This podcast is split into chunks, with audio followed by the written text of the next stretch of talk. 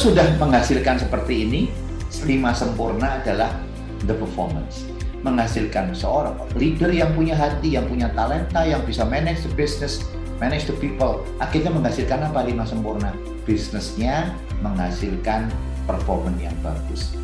Ini yang kita belajarkan hari ini dari P2Bless ada banyak. Tentunya uh, tidak semua bisa kita lihat.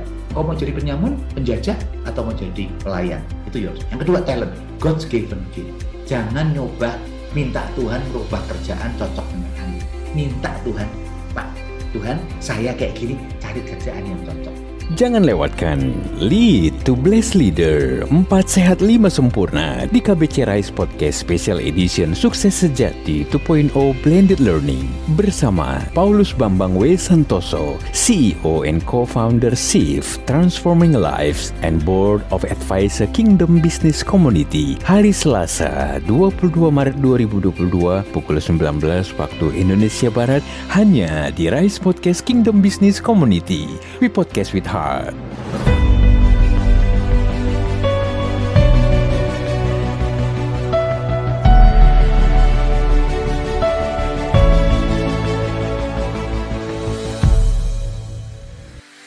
Ya, Rise Rain Podcast listeners di episode Lead to Bless Leader di kesempatan kali ini Salah satu yang akan menginspirasi Anda adalah bagaimana prinsip-prinsip lead to bless leader dalam konteks empat sehat lima sempurna yang akan dibawakan oleh Paulus Bambang W. Santoso. Ini sebenarnya bukan hanya mengajak Anda untuk terbuka dengan hal-hal yang berkaitan dengan hal-hal transformatif di bidang leadership Anda, tapi juga secara spesifik prinsip lead to bless leader adalah nafas jiwa sekaligus sebagai sebuah manifestasi dari motivasi dan tujuan yang benar berdasarkan konsep konteks God Center atau berpusatkan atau menjadikan leadership Anda, bisnis Anda, usaha Anda berpusatkan kepada Tuhan nilai-nilai filosofi dan juga karakteristik serta bagaimana mengaplikasikan empat sehat lima sempurna akan menjadi suatu pembahasan yang sangat menarik, eksplorasi yang sangat inspiratif. Jangan lewatkan dan simak serta dengarkan inspirasi Lead to Bless ini hingga usai. Tapi kami kembali mengajak Anda untuk subscribe YouTube channel Kingdom Business Community dan juga follow sosial media di @kbc.id dan juga audio streaming platform KBC Podcast di Spotify, Google, Apple Podcast, Player FM, dan platform lainnya. Selamat menyaksikan dan mendengarkan inspirasi Lead to Bless Leader spesial untuk setiap Anda. Hari ini kita akan yang kedua, setelah kita build to bless company, tidak mungkin build to bless company itu jalan sendiri karena itu adalah institusi, nggak mungkin. Jadi yang mungkin adalah dipimpin oleh siapa, diawaki oleh siapa, dimanage, dikelola oleh siapa, diorganize oleh siapa. Ini yang paling penting. Karena nggak mungkin base to base itu jalan sendiri. Harus ada orang. Itu sebabnya siapa yang bisa memimpin perusahaan dari yang red menjadi yang green adalah seorang yang punya prinsip lead to bless leader. Ini yang sangat penting, bless leader. Konsepnya jelas, Anda sudah belajar, saya cuma summary saja yang ini adalah ada empat sehat, lima sempurna. Yang pertama karakter, yang kedua talent, yang kedua kita bicara managing the business, dan managing people. Nah, begitu sudah menghasilkan seperti ini, lima sempurna adalah the performance menghasilkan seorang leader yang punya hati, yang punya talenta, yang bisa manage the business, manage the people. Akhirnya menghasilkan apa lima sempurna? Bisnisnya menghasilkan performance yang bagus. Ini yang kita belajarkan hari ini dari di Tubles ada banyak. Tentunya uh, tidak semua bisa kita lihat. Kita juga belajar yang kedua, ini kuncinya awal sih. Karakter itu apa sih yang harus kita punya yang harus kita pegang supaya kita bisa menjadi di leader Konsepnya sederhana kok. Untuk jadi lead leader, Anda harus persip human resources Anda seperti apa. Kalau pegawai Anda Anda pikirin sebagai resources, maka Anda akan berlaku sebagai penjajah, penyamun, pengawas. Tapi kalau Anda mikirkan anak buah Anda sebagai di tengah-tengah human resources, Anda akan berlaku sebagai petani, pengembala. Kalau Anda sebagai human, pengembala, pelayan, parent. Jadi ini tergantung kita kok. Anda perhatikan anak buah Anda, Anda perhatikan sopir, kalau ibu-ibu, sopir pembantu di rumah. Kalau Anda jadikan dia resources, wah dari pagi sampai sore makanannya sederhana, bekas sisa-sisa Anda nggak pernah dikasih ini, dia gajinya kecil-kecil mau naikin 50 ribu aja Anda dua puasa 40 hari 40 malam, dan dia nggak bangga kerja sama Anda, saya bisa lihat kok. Saya tanya pembantu Anda, saya tahu siapa Anda pergi ke restoran kalau pembantu makanannya di mana pun restorannya. Makanannya mesti nasi goreng plus es teh tawar. Saya bisa tahu kok siapa anda. Tapi kalau anda melakukan sama human akan lain.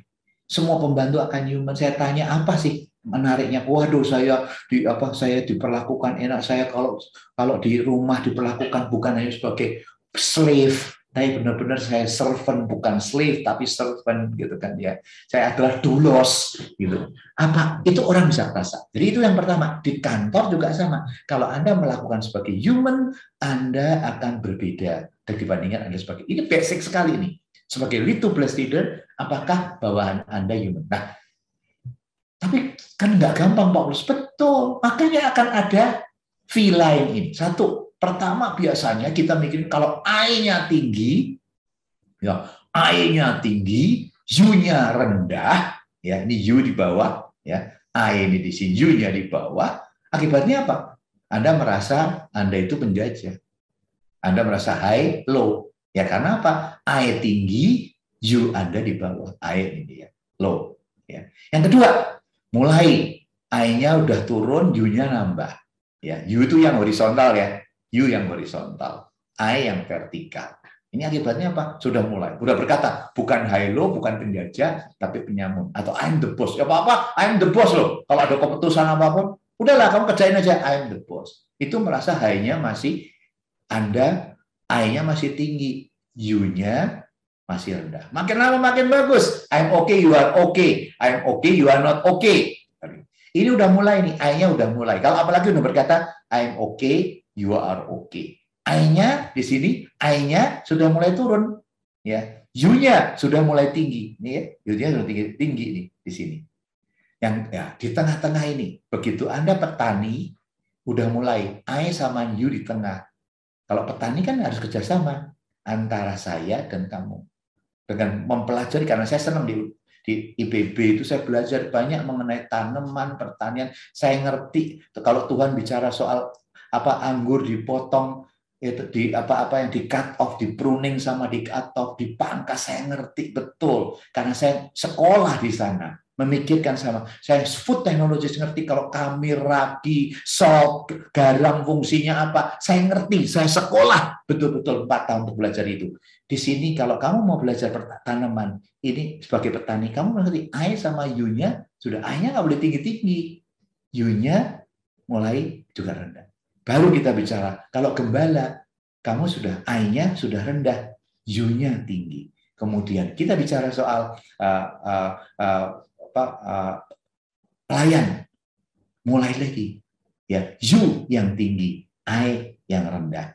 Yang berikutnya adalah ini ke arah U nih. Jadi U-nya ke arah tinggi, I-nya nggak bisa. Nah, ini adalah V-line, victory life factors. Ini Anda akan ngalamin masa-masa begini. Pastilah orang yang merasa dulunya pinter, dunia sukses. Biasanya begini, makin lama akan berinteraksi dengan mempraktekkan lead to bless leader, Anda makin turun.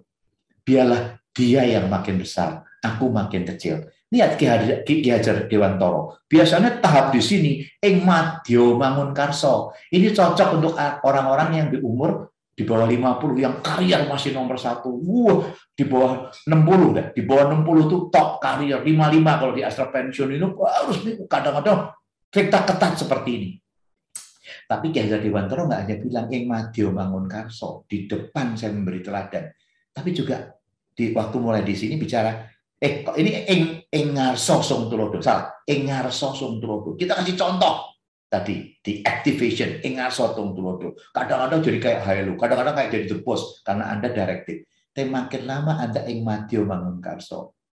Di tengah memberikan apa motivasi. Terus di sini adalah Tuturi Handayani. Sebagai seorang celebrity leadership Tuturi Handayani, seorang uh, seorang pelayan Tuturi Handayani, seorang papa parent Tuturi Handayani. Jadi ini Wandi akan akan berubah. Kalau Anda belajar terus, dulu saya juga mengalami sini, wah saya sok bosi, sok apa, saya udah ngalamin semua karena saya berprestasi sebagai berpotensi. Begitu prestasi saya membuat penjara saya I'm the boss, I'm okay, you are not okay. Karena awal. Jadi akibatnya apa? Saya disenengin oleh atasan karena saya perform, tapi anak buah saya nggak seneng karena saya benar-benar mempus dia to their limit untuk kepentingan saya supaya saya perform, saya push anak buah saya perform. Ini saya ngalamin semua di sini sampai titik tertentu saya menyadari ini nggak benar. Saya nggak hanya managing the business, tapi juga managing the people. Waktu saya udah mulai mengerti prinsip ini, saya belajar jadi petani, jadi pengembang totally different. Saya bisa hand in hand dengan bawahan saya. Saya bisa menjadi orang-orang bisa curhat sama saya apa pun di kantor. Saya bisa mengerti kebutuhan mereka.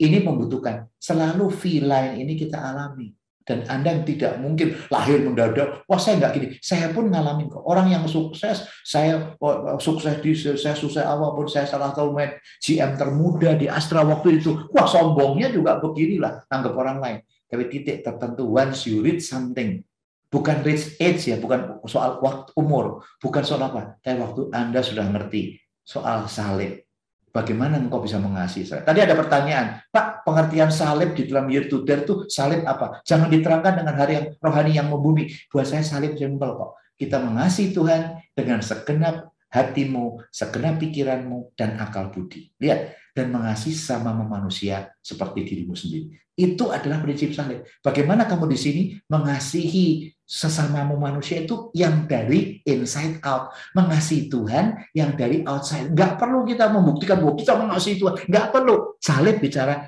atas bawah hubungan saya. Yang mereka kerasain adalah kayak gini. Horizontal ini. Bagaimana saya bisa mengasihi mereka seperti diri sendiri. Nah ini yang menyebabkan summary. Summary dari karakter yang kita lakukan, kita akan mengalami ini. Kalau Anda pengen menjadi victory life changes, ya harus mengikut seperti ini. Nggak bisa. Nah pertanyaannya, Pak, kalau Bapak sebagai, tadi kan Bapak bilang, Bapak sebagai servant, sebagai pelayan, kadang-kadang parent, kok masih mencat orang? Kalau Bapak nggak ada pengampunan, nggak ada kompromi, nggak ada second chance, sama orang yang fraud, sama orang yang selingkuh, sama orang yang punya cewek lain, yang sebaik keras-keras Bapak ngomong, Bapak keras, tapi kenapa nggak ada pengampunan?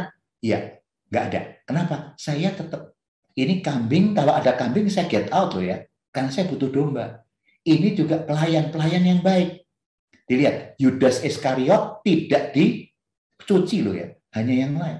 Sebagai parent, parent yang baik, Daud sama Absalom atau sama ini. Jadi saya tetap mati. Sebagai teman, saya akan bimbing dia. Sebagai teman kita tetap hubungannya sama. Tapi sebagai anak buah, saya akan tetap sebagai di sini kalau di sini, saya di sini, saya potong caringnya. Buat saya itu tidak berbuah. Carang yang tidak berbuah, saya harus berani potong. Bukan berarti di sini jadi nice manager, my friend. Bukan. Kita good manager. Di sini kalau ada carang yang tidak berbuah, saya potong. Tidak berbuah, nyolong. Even berbuah lebat pakai nyolong-nyolong, saya potong. Karena saya sebagai petani, saya nggak mau orang-orang yang nyolongan, orang-orang yang nyogoan, orang-orang yang gitu mempengaruhi orang yang lain. Ya bener kan? Karena kamu jujur, kamu ajur.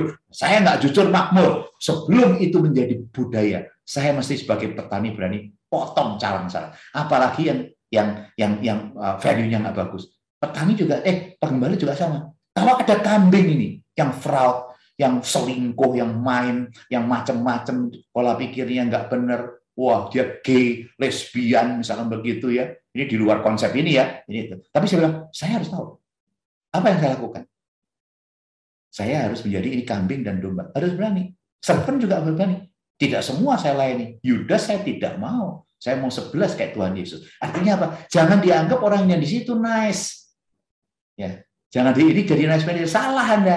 Di sini di sini memang geram. Kalau bedanya di sini apa? Waktu saya potong carang, itu carang yang tidak berbuah. Di sini apa? semua semua calon yang tidak ikut saya saya potong. Jadi bedanya beda. Ini untuk kepentingan saya, saya, saya, I, I, I. Yang di sini untuk kepentingan you supaya pohonnya, company-nya itu berbuah lebat, saya potongin. Makanya lihat di Instagram saya, saya potongin ke dondong saya banyak habis sampai tetangga bilang saya kok dipotongin banyak? Iya, biar biar biar apa dondongnya ini gitu. Kenapa? Karena saya tahu persis kalau tidak dipotong nggak akan bisa. Nah ini artinya lain ke sini. Nah dengan begitu karakter ini sangat penting. Yang kedua, talenta. Anda ini yang salah sering sering kali Anda kacau di bisnis, kacau di bis apa di karier karena ini. Ini yang saya banyak benahi, saya mindah-mindahin orang, saya konsultasi banyak pengusaha-pengusaha muda. Kenapa? Karena antara talenta dengan tuntutan bisnis dia nggak sama.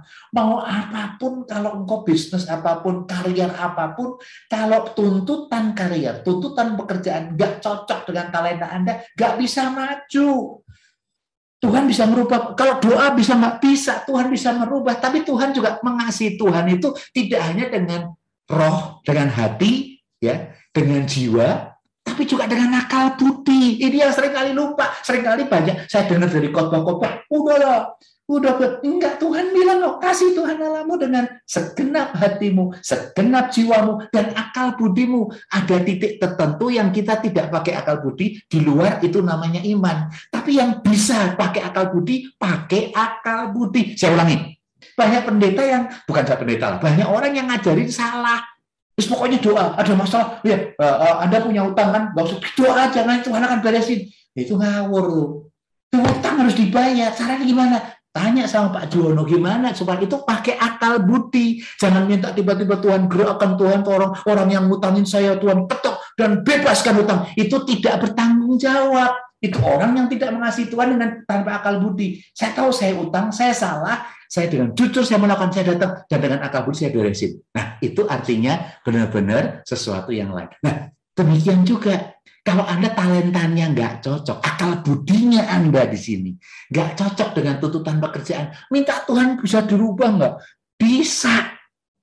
Tapi lebih banyak jangan minta Tuhan dirubah, minta Tuhan tolong cocokin. Tuhan sudah giving giving us talent seperti ini. Tolong berikan pekerjaan yang cocok dengan yang you berikan kepada saya. Semua tokoh-tokoh Alkitab Tuhan ngasih apa ngasih pekerjaan yang cocok dengan talentanya. Sebut Gideon, Gideon walaupun dia merasa kecil itu karena karena dia takut, karena innernya. Tapi dia punya manajemen sistem yang bagus. Yusuf, dia bisa mikir, kekuatan Yusuf manajemen. Tuhan pakai dengan talentanya. Betul? Dengan Mesir, dengan tujuh tahun. Jadi sekali lagi saya minta, kalau engkau ngerti talenta kamu, jangan minta Tuhan merubah bisnis for the sake of your talenta. Lebih baik Tuhan, talenta saya begini, temukan saya bisnis apa yang cocok. Anda kan. Nanti saya kasih contoh saya. Karena different. Ya, different ini, different ini, different ini. Maka nanti ada. Uh, ini kan Anda cuma ngisi-ngisi di, di Knubi. Nanti waktu lead to bless, kalau Anda ikut lead to bless leader, nanti akan diumumkan, ini Anda pakai software anda akan dicek dengan software, dengan Anda tanya pertanyaan, Anda akan dikasih tahu Anda tuh dreamernya berapa persen, artinya nanti akan ada. Kalau sekarang masih itu sekarang masih seperti ini. Karena kenapa jika beda? Ini tuh beda banget. Talenta ini sangat beda. Kalau orang yang dreamer inventor, itu pikirannya dari depan, belakangnya, eh, dari depan, sekarang ini bagaimana. Jadi saya mikir depannya dulu. Jadi kayak saya itu seorang dreamer, reinventor, dan arsitek. Saya mikir tiga tahun itu seperti apa? Ah, seperti gini. Apa yang saya lakukan hari ini? Karena tiga tahun seperti ini. Nangkep? Ini adalah saya memang pola pikirnya begini. Makanya saya kalau lari cepat, tadi saya bilang I'm fast. Istri saya bilang kamu tolong makan aja kamu cepat banget. Saya makan tuh cepat sekali. Tet. Dan nanti nunggu. Semua pun. Ya, makan itu dia nggak mungkin kecepatannya tiga kali dari itu. Saya makan tet, tet, tet. Kamu bilang, kamu makan di apa namanya di fine dining kayak makan soto Pak Man di Pamulari Semarang deh. Makan, mestinya pelan-pelan dong. Oh harganya mahal-mahal kok, makannya cepet-cepet. Oh iya, iya, si slow down. Ini ada 13 course. Saya pelan-pelan nunggu. Mereka harus nunggu kalau ikut omakase gitu. Saya pelan-pelan. Waduh itu penderitaan buat saya di Opo yang dirasain, belum aja bisa. Tapi satu belum kan harganya 40 dolar. Kan sayang, jadi pelan-pelan. Tapi saya harus belajar. Kenapa? Karena saya tipenya begini, visionary dan saya hari ini seperti ini. Tapi kalau orang yang opportunity, operator, harvester, hari ini kayak gini, setiap sebulan jadi apa ya? Dua bulan jadi apa? Paling dia setahun yang bisa bayangin. Di luar setahun udah nggak bisa, udah pusing. Jangan aja orang-orang anak buah kamu yang tipe ini untuk mikirin tiga tahun ini. Dia pusing, dia terus ke WC terus. Kalau meeting soal strategic per, uh, strategic management, kita bikin rencana tiga tahun. Orang yang tipe dia gini mesti WA terus WC terus, karena dia nggak ngerti. Ini ngomong apa tuh bos saya? Ngomong tiga tahun. Indonesia 2045, terus ngomong apa? Aku mati yo. Percuma ngajak orang ini untuk planning jangan jauh. Anda frustasi. Kalau planning jangan ngajak orang yang begini. Ini disuruh aja jalan-jalan. Tapi kalau ditanya, eh ini kondisi COVID. Kalau sampai PPKM naik, apa yang terjadi? Orang yang oportunis, Pak, Pak, Pak, Pak. Kalau ini terjadi PPKM 3, kita malah bisa begini. Orang ini cepat. Kalau ditanya gini, kok pikirin, COVID ya. Wah ini suwe, jangan nanya ke sini orang yang begini, yang COVID begini nggak cocok. Ya, karena nggak cocok. Lah kembali yang ketiga, ini di tengah-tengah. Makanya saya belajar untuk keputusan harian saya belajar sesuatu. Kebutuhan mingguan saya belajar sesuatu. Untuk stok, untuk saham saya belajar supaya saya mengerti. Jangan hanya long term. Kalau saya invest di startup dengan serius itu, saya term 5 tahun kayak gimana? 10 tahun malah. Saya invest sekarang nanti 10 tahun bisa IPO enggak. Saya mikir gini, makanya saya berani invest di startup. Kenapa? Saya tipenya begini. Kalau orang nggak berani, wah ini kalau jadi oh, Oh, startup kan belum jelas Pak Polos. Nah iya, kalau orang bikin itu jangan invest, karena ini pikiran short term. Ya Anda beli saham aja, atau beli fund. Tapi kalau mau invest di perusahaan yang kayak gini, saya cocok. Mau tujuh tahun enggak apa-apa, memang saya allocate duit untuk di sini. Nah, setiap kita punya kekuatan. Ini adalah God given gift. Makanya semua orang harus tahu di sini.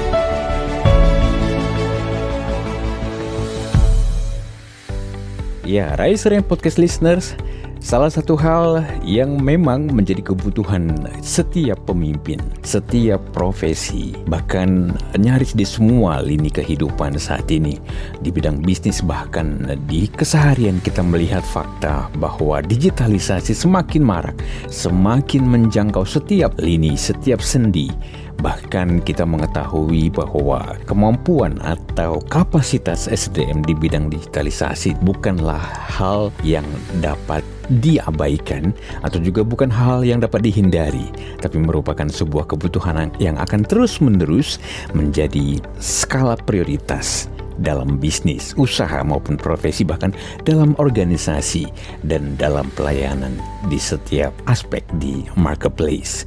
Dibutuhkan sebuah keberanian, sebuah kemauan untuk open, untuk terbuka terhadap transformasi digital mulai dari hal-hal yang mengadopsi atau melakukan upaya-upaya inovatif yang upaya-upaya yang bisa menyelaraskan bagaimana seorang pemimpin bisa menjadi berkat, bisa menjadi saluran perubahan demi perubahan dengan baik salah satunya melalui digitalisasi di era disrupsi, di era di mana banyak terobosan-terobosan baru di dunia teknologi dan digitalisasi.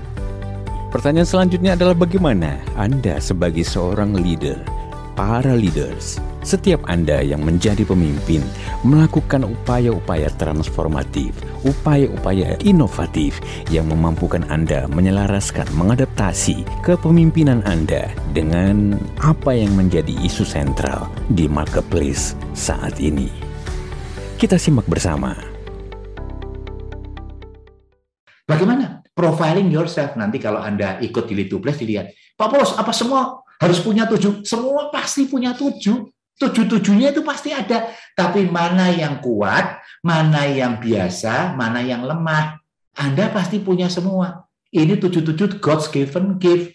Jadi apa saya Anda yang yang kuat di operator, yang sangat kuat di operator, pasti lemah di dreamer. Yang sangat kuat di dreamer, pasti lemah di operator. Karena ini mah opposite. Yang shaper pasti bukan reinventor. Yang reinventor pasti bukan shaper. Ini udah otomatis karena ini opposite. Yang di tengah-tengah pilar di tengah ini arsitek, builder, harvester itu paling aman. Tapi jumlah yang paling banyak gimana? Yang paling banyak nih? Yang paling banyak tuh harvester, operator, builder. Tiga ini jumlahnya banyak. Makanya saya kasih ini, ini artinya besar kecil itu jumlah orang. Ya, jumlah apa talent di setiap orang beda-beda. Tapi secara umum yang banyak tuh ini loh. Dreamer tuh sedikit. Kalau banyakkan dreamer, ya akhirnya nggak bisa kerja. Shaper sama reinventor imbang-imbang. Makanya kalau ada shaper, reinventor in yourself, ya ini jarang. Pasti kalau Anda reinventor, Anda bukan shaper. Kalau Anda shaper, bukan reinventor. Kalau Anda dreamer, bagi bukan inventor. Kalau misalnya Anda arsitek, biasanya bukan builder atau harvester. Selalu kalau ada harvester, pasti bukan builder. Kalau Anda builder, bisa arsitek atau harvester. Jadi masing-masing ini ada hubungannya. Ya, sekali lagi masih ada hubungannya. Dan Anda mau di mana? Nah, nah saya ya, saya ternyata apa? Saya ini nih, personal ini saya gini. Saya seorang dreamer, arsitek, dan reinvent. Saya tahu persis saya bikin for apa dreamer dan uh, reinvent ini adalah pikir future, arsitek pikir tengah. Nah, saya bukan builder, saya bukan shaper. Ini karena long apa short term ya, itu medium. Tapi jelas yang saya enggak, saya enggak operator. Kenapa saya operator, bukan operator? Saya dreamer kuat kok. Saya strong dreamer. 90% nilainya lebih. Ya pasti saya enggak operator. Ya kan? Saya reinventor strong, ya kan? Saya reinventor strong gitu kan. Pasti bukan shaper. Jadi gitu. Ya harvester, harvester karena saya betul arsitek maka nggak mungkin saya arsitek lebih benar nggak gitu. Jadi ini adalah bagian saya. Saya udah nerima. Jadi kalau saya disuruh pimpin pabrik gitu ya, yang di waktu waktu itu saya mau pindah kerjaan disuruh pimpin auto 2000 yang Toyota, pasti saya nggak mau ya. Cuman gitu di keuangan ke lembaga keuangan banyak banyak zaman dulu ya ini banyak prison prisonnya banyak pagar pagarnya saya nggak bisa saya orang kreatif saya nggak mau di bidang keuangan di bidang manufacturing saya ditanya ditawarin jadi presiden direktur manufacturing pada waktu itu tahun 99 oleh salah satu atasan saya bilang saya nggak cocok Percuma Anda tawarin saya presiden direktur manufacturing nggak cocok, value-nya bukan cocok. Saya bukan tipe orang yang operator, orang yang builder, orang yang shaper. Ini manufacturing saya, saya nggak cocok. Nanti saya nggak akan maju. I know myself. Makanya waktu saya ditawarin jadi sistem analis di IT, saya ya oke okay nggak? Saya oke. Okay. Ya ini beberapa oke. Okay. Tapi saya bisa bagus nggak? Bagus karena Tuhan kasih saya otak pinter. Jadi saya belajar walaupun saya IPB, saya nggak mau kalah sama orang waktu masuk di Astra sebagai IDW, nggak mau kalah sama orang yang lulusan computer engineering dari luar negeri, computer science, nggak mau kalah sama orang teknik elektro. Saya belajar keras. Karena saya belajar keras, saya bisa ngimbangin. Tapi saya tahu, saya nanti in the future nggak bisa compete sama orang yang by education dan by talent cocok untuk jadi programmer, sistem analis di IT di belakang meja. Saya bisa, sekarang ini saya bagus. Makanya pumpung saya bagus, saya pindah ditawari jadi HR manager. Wah ini lebih cocok karena saya suka sama orang. Tapi setelah sampai VP saya tahu persis HR beda dengan ini.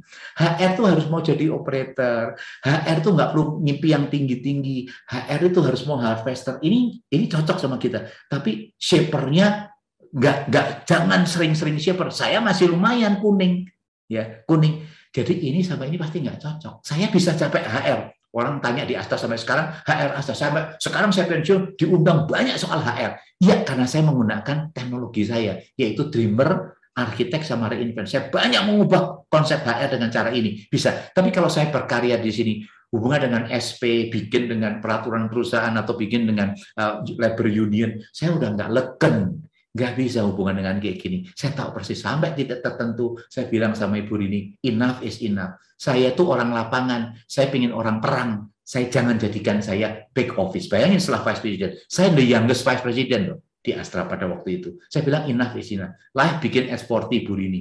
Kalau tidak, saya akan keluar. Karena live bikin S40, saya ingin megang bisnis. Untuk Bu Rini ngasih kesempatan. Begitu saya jadi managing director di bisnis, ini Anda lihat beberapa longsor. Saya cocok infra. Ini cocok. Makanya infra di bawah saya berkembang pesat. Mining di UD di bawah saya berkembang pesat. MD berkembang. Tapi khususnya infra yang cocok banget dengan saya.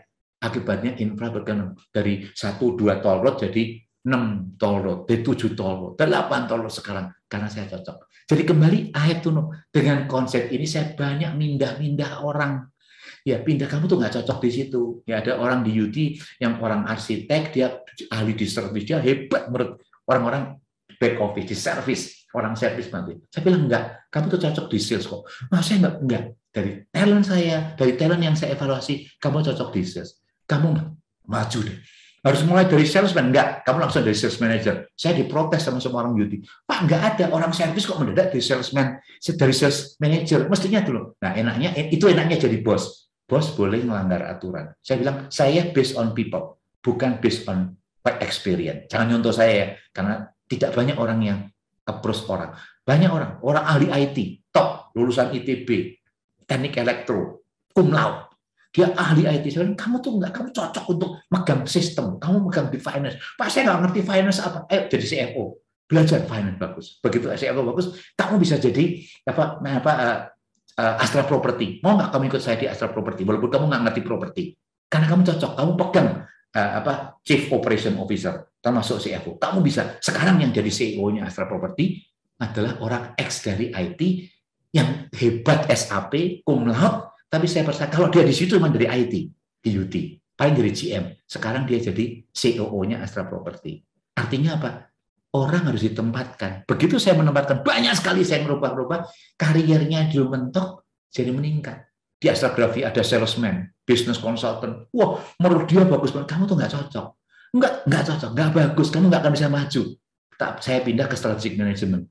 Pertama kali masa saya kan suka perang enggak. Kamu suka perang, tapi your talent tuh nggak cocok. Kamu saya lihat talent kamu kayak gini. Sekarang dia jadi chief HRD-nya di Astra.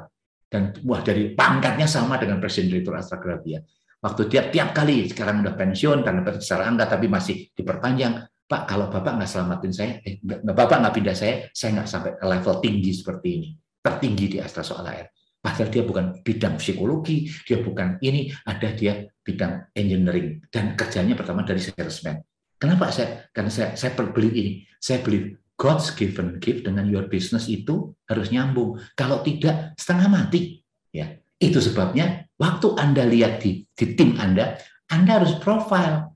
Jangan semua di dreamer dong, karena dreamer ini hubungan dengan internal, operator hubungan dengan eksternal, ya kan? Ini, eh sorry, eksternal itu dengan customer, ini internal.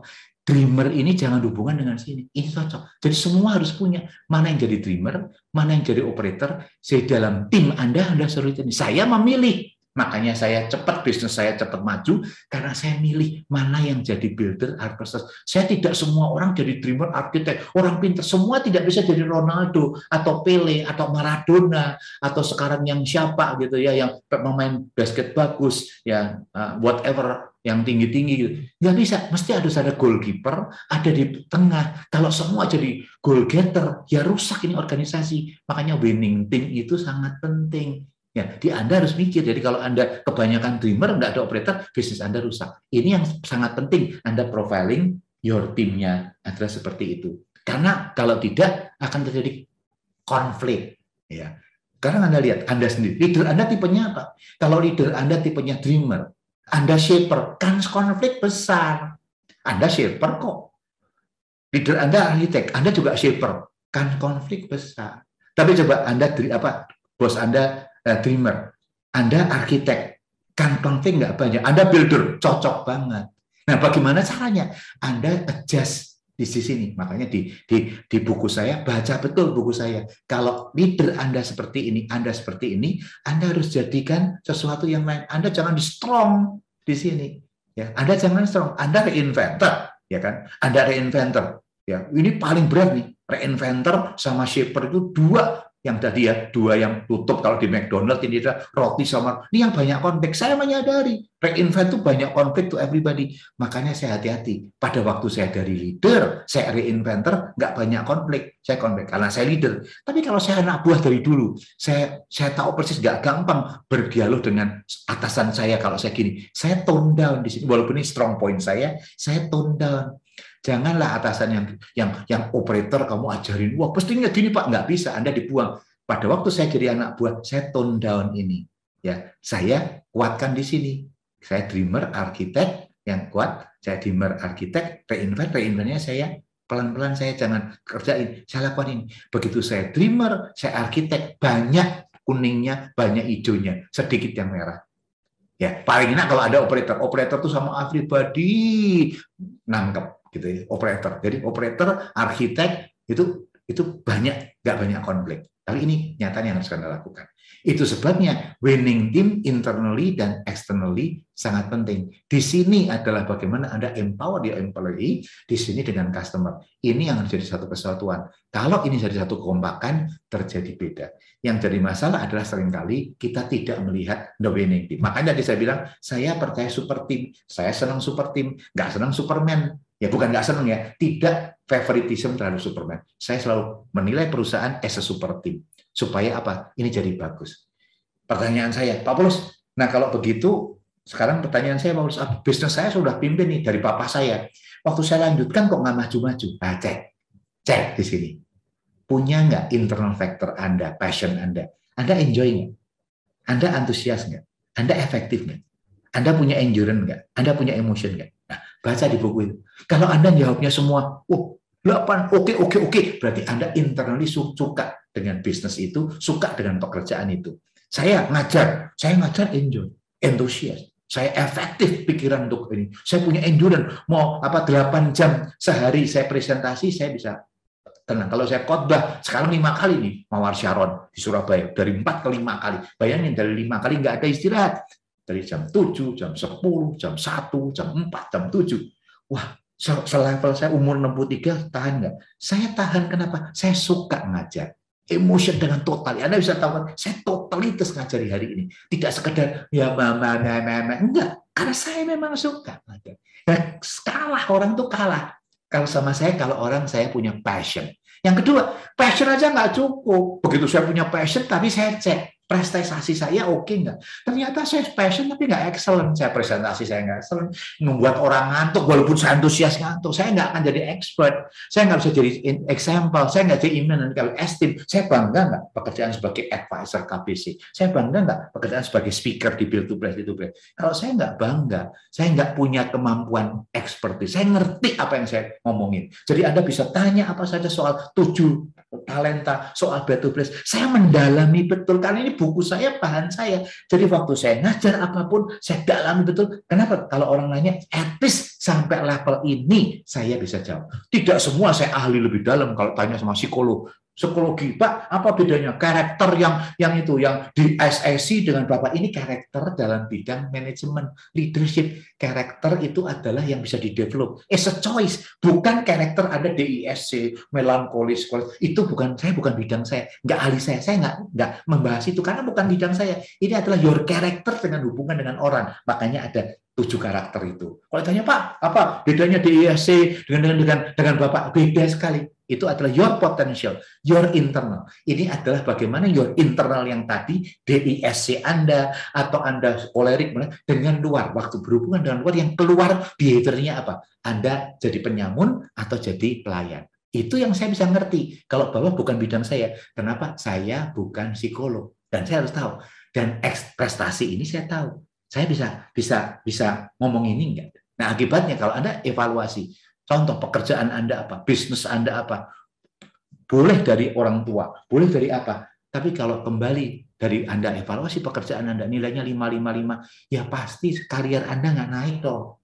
Lalu Anda sendiri secara input nggak nggak merasa bagus dibandingin teman. Excellent. Iya Pak, saya bisa sekolah IPB, saya bisa belajar plan code, saya bisa belajar COBOL, saya belajar Fortran. Tapi kalah excellentnya dengan orang yang dari computer science orang dari teknik elektro, saya mau apain, saya belajar 4 jam, dia 2 jam. Kalau saya terus berkarya di IT bagian programming, sistem analis, saya pasti kalah. Makanya saya bilang, saya nggak mau pekerjaan di situ.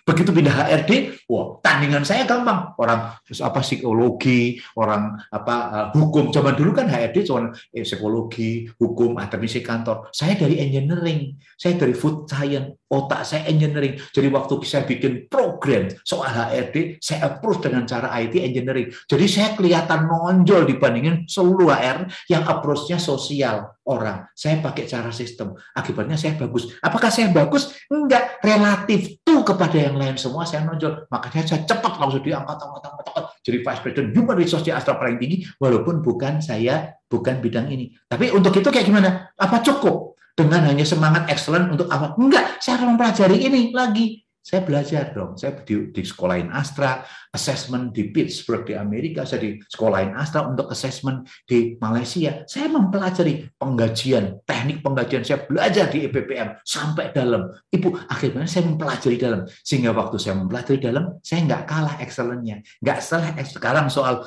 soal soal survei, soal apa pun, saya nggak kalah dengan mereka. Kenapa? Saya belajar pengen jadi expert. Makanya sekarang kalau saya diangkat sebagai anggota komite remunerasi dan uh, sumber daya manusia di Indonesian Investment Authority, uh, Sovereign Wealth Fund-nya Indonesia, lembaga uh, investasi pengelola investasi Indonesia. Kenapa? Saya punya expert.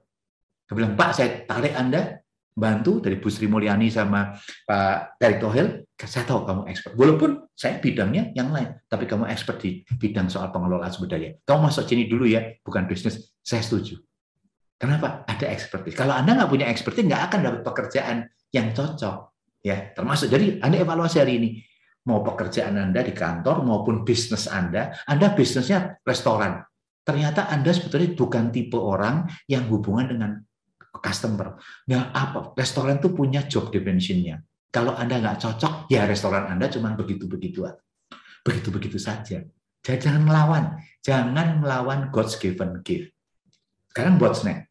Kalau kondisinya seperti itu, saya mau tutup 10 menit. Buat snack kalau udah tahu kayak gitu. Ngerti Pak Paulus? Saya mengerti sekarang makin tajam saya mengerti. What's next? Dunia kita udah berubah. Sekarang ini Anda berhubungan dengan metaverse, bukan universe lagi.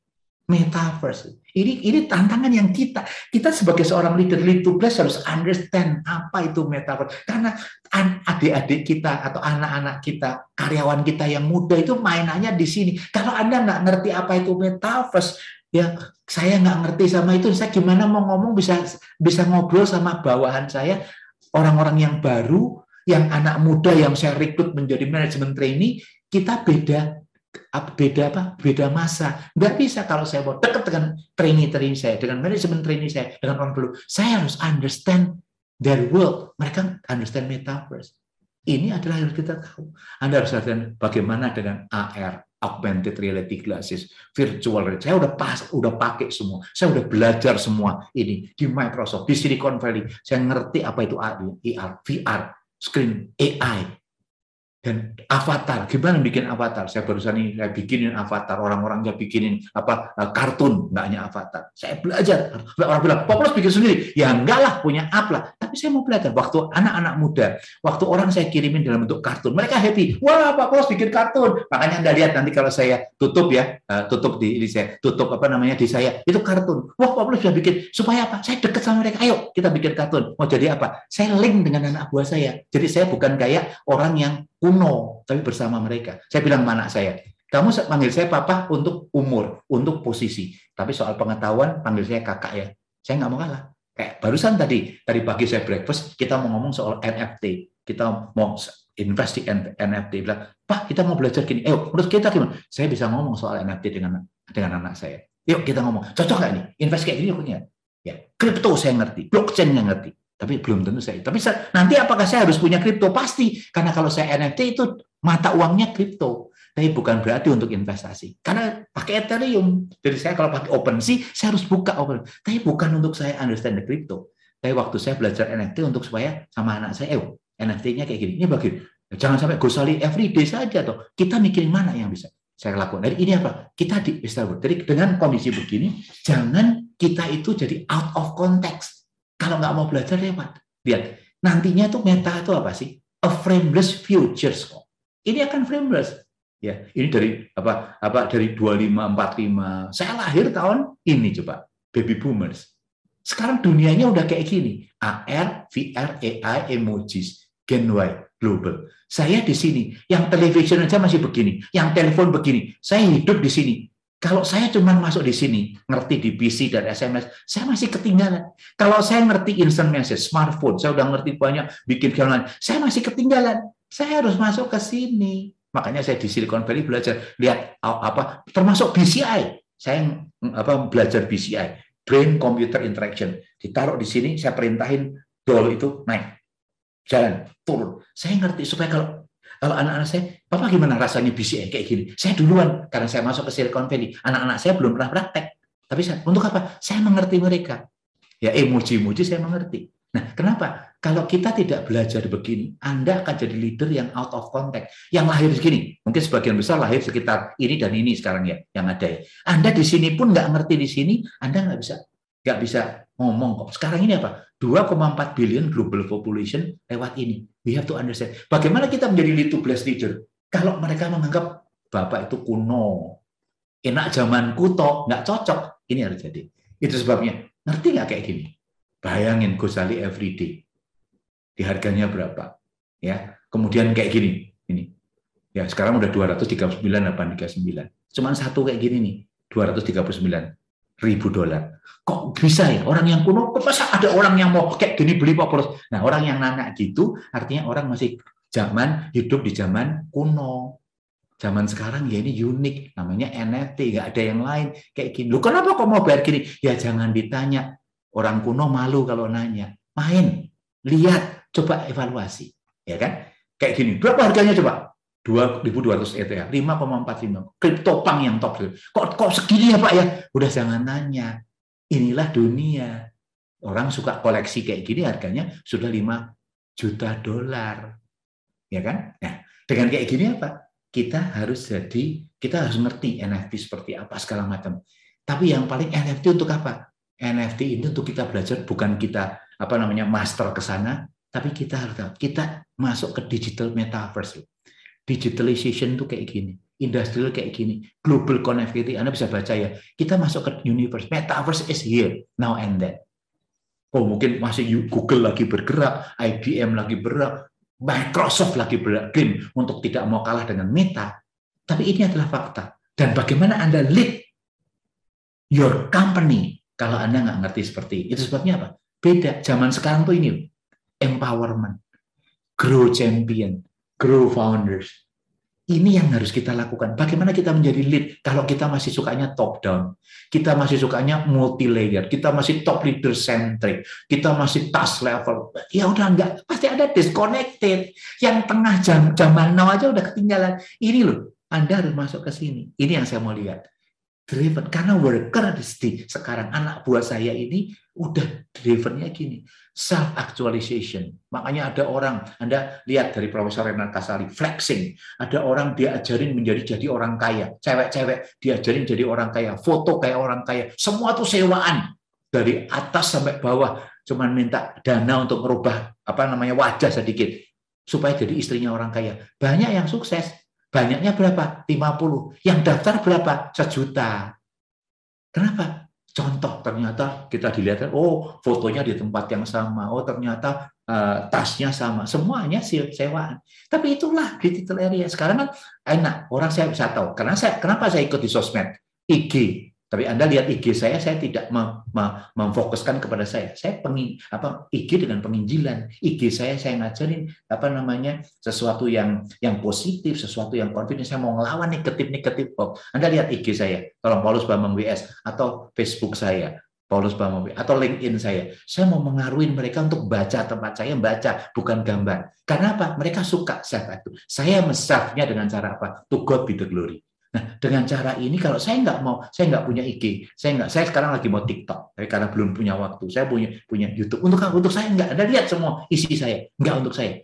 Untuk apa? Untuk orang berpikir benar. Build isinya cuma dua kok, build to bless dan lead to bless leader. Nah, untuk apa? Supaya senang begitu gitu. Wah, Pak cocok. Banyak diskusi gara-gara sosmed saya. Untuk itu apa? Nah, dengan cara ini kita harus define semua.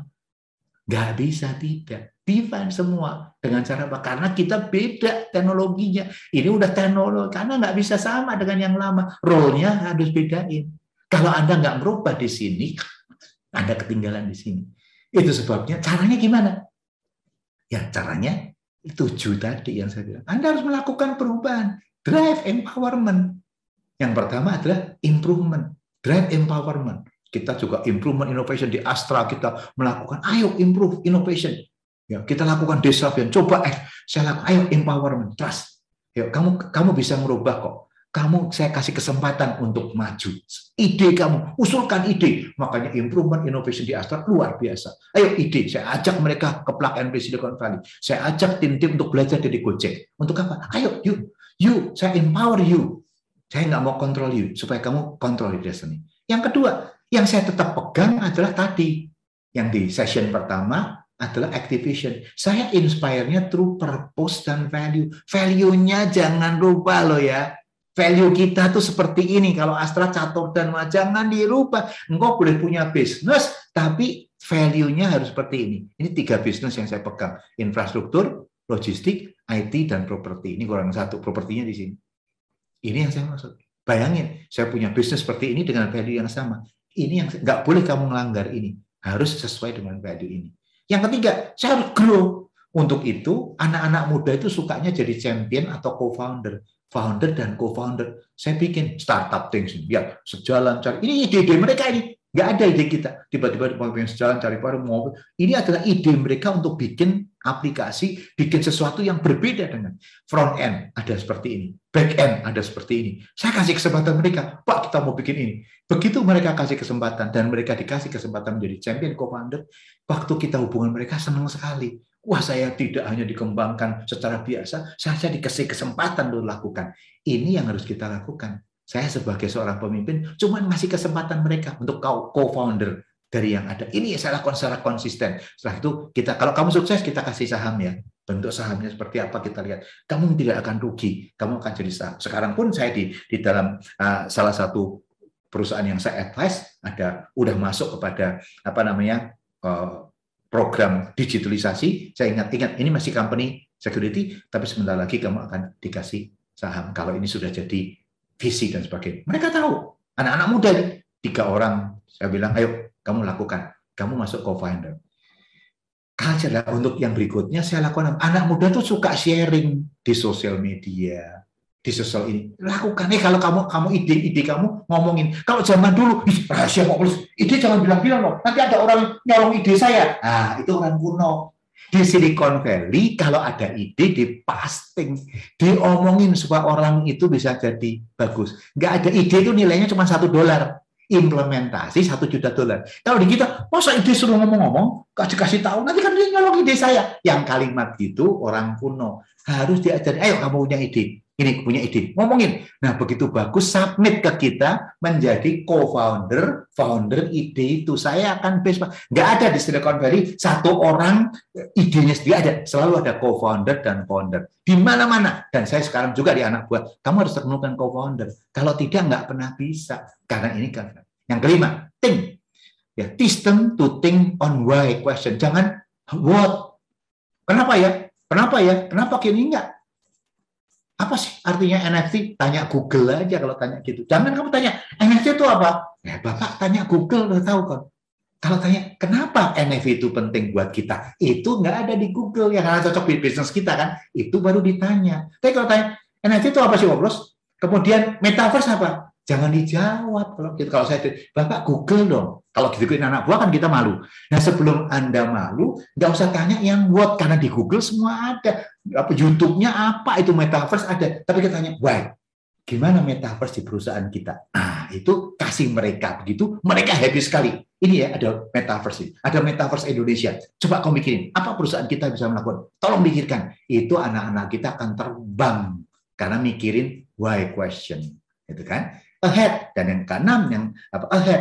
Jangan sampai hanya mikir defense. Kita mikir transform. Apa yang merubah bisnis kita? Apa yang merubah perusahaan kita? Kita harus berubah. Kalau kita hanya mikir defense ya repot. Defense mempertahankan. Ayo transform perusahaan itu dengan cara apa? Ikutlah shifting up. Jadi nanti setelah ikut SS anda ikut lead to bless Anda boleh ikut shifting up. Ya shifting up program khusus untuk transform your business ya bukan hanya ini real 10C ini business mindset dan akhirnya bisa di funding Nah, kita bersyukur dari kemarin dia shiftingan pertama ada 10 yang saya bimbing. Kemarin malam ada orang telepon saya, Pak dari 10. Satu Pak, saya bikin pitching yang buat Bapak terakhir. Walaupun saya tidak juara 5. Dari 10 besar, 25 dari 10. Saya masuk 25 aja dan nangis. Bersyukur. Dari 25, 10 saya nangis. Waktu saya bikin yang terbaik, walaupun saya nggak masuk 5 besar dari pitching yang kasih, saya kasih setting up. Sekarang saya udah punya investor dari Malaysia sampai bilang, Pak, wah luar, saya tolong bantu saya, saya perlu ikut lagi. Bayangin,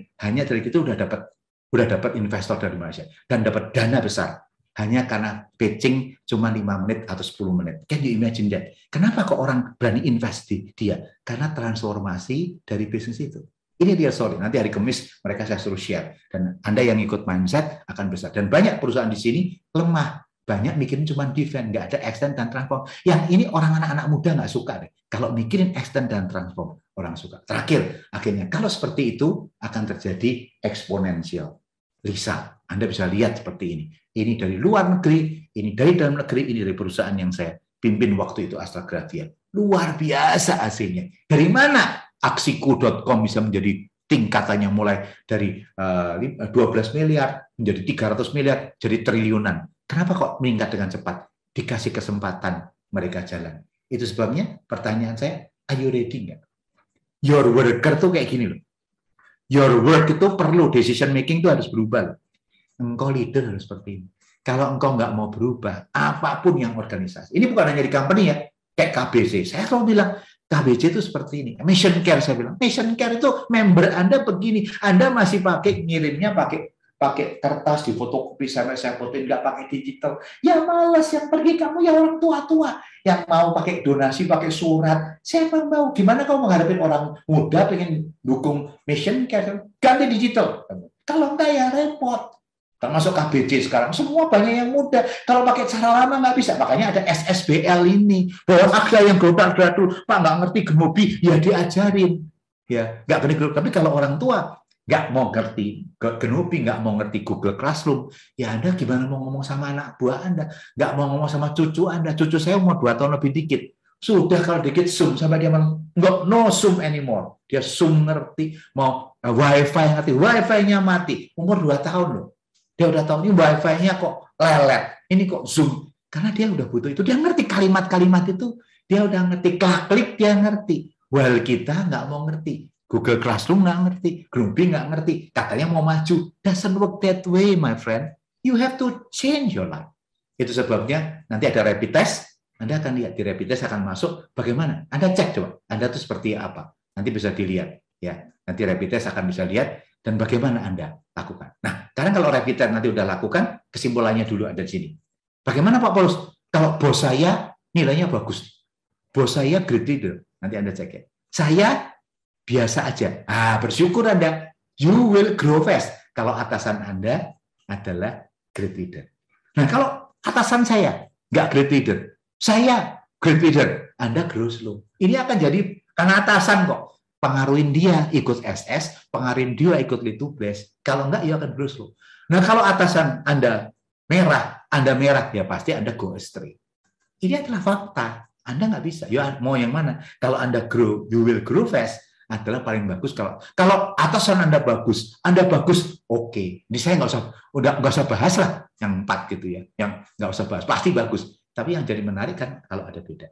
Dengan ini kita bisa melakukan. Jadi kalau ini kita lakukan nanti ada kalau ini kita lakukan rasanya anda akan memiliki sesuatu yang bagus. Sekali ingat Tuhan berikan kepada anda karakter yang anda harus choose. As a choice. Karakter itu bukan insight ya tapi insight on how you berhadapan dengan human resources. It's your choice Engkau mau jadi penyamun, penjajah, atau mau jadi pelayan. Itu your Yang kedua, talent. God's given gift. Jangan nyoba minta Tuhan merubah kerjaan cocok dengan Anda.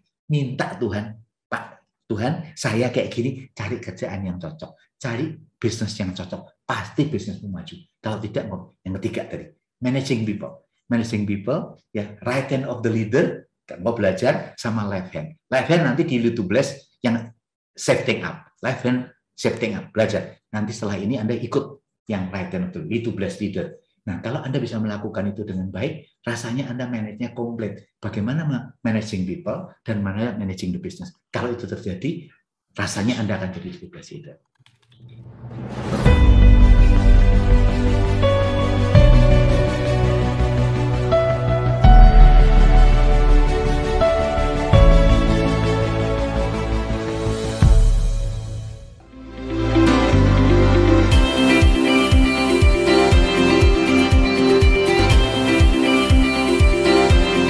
Riser and Podcast listeners, terima kasih Anda telah menyimak Rise Podcast Special Edition yang dipersembahkan oleh Kingdom Business Community.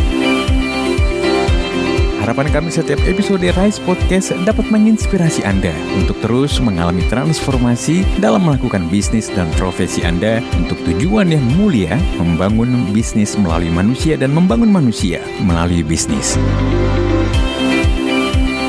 Kami mengajak setiap Anda dan perusahaan Anda untuk bergabung bersama kami dalam komunitas Kingdom Business Community. Secara bersama, kita bisa bertumbuh, berkembang, dan sukses, serta dapat berkolaborasi dalam gerakan kepedulian kepada sesama untuk Indonesia yang lebih baik. Dapat bergabung, silahkan kunjungi website Kingdom Business Community di www.kbc.or.id atau hubungi Sekretariat Nasional KBC di 0817 131 257. Sekali lagi, www.kbc.or.id. Rise Podcast Kingdom Business Community. We podcast with heart. Sampai jumpa.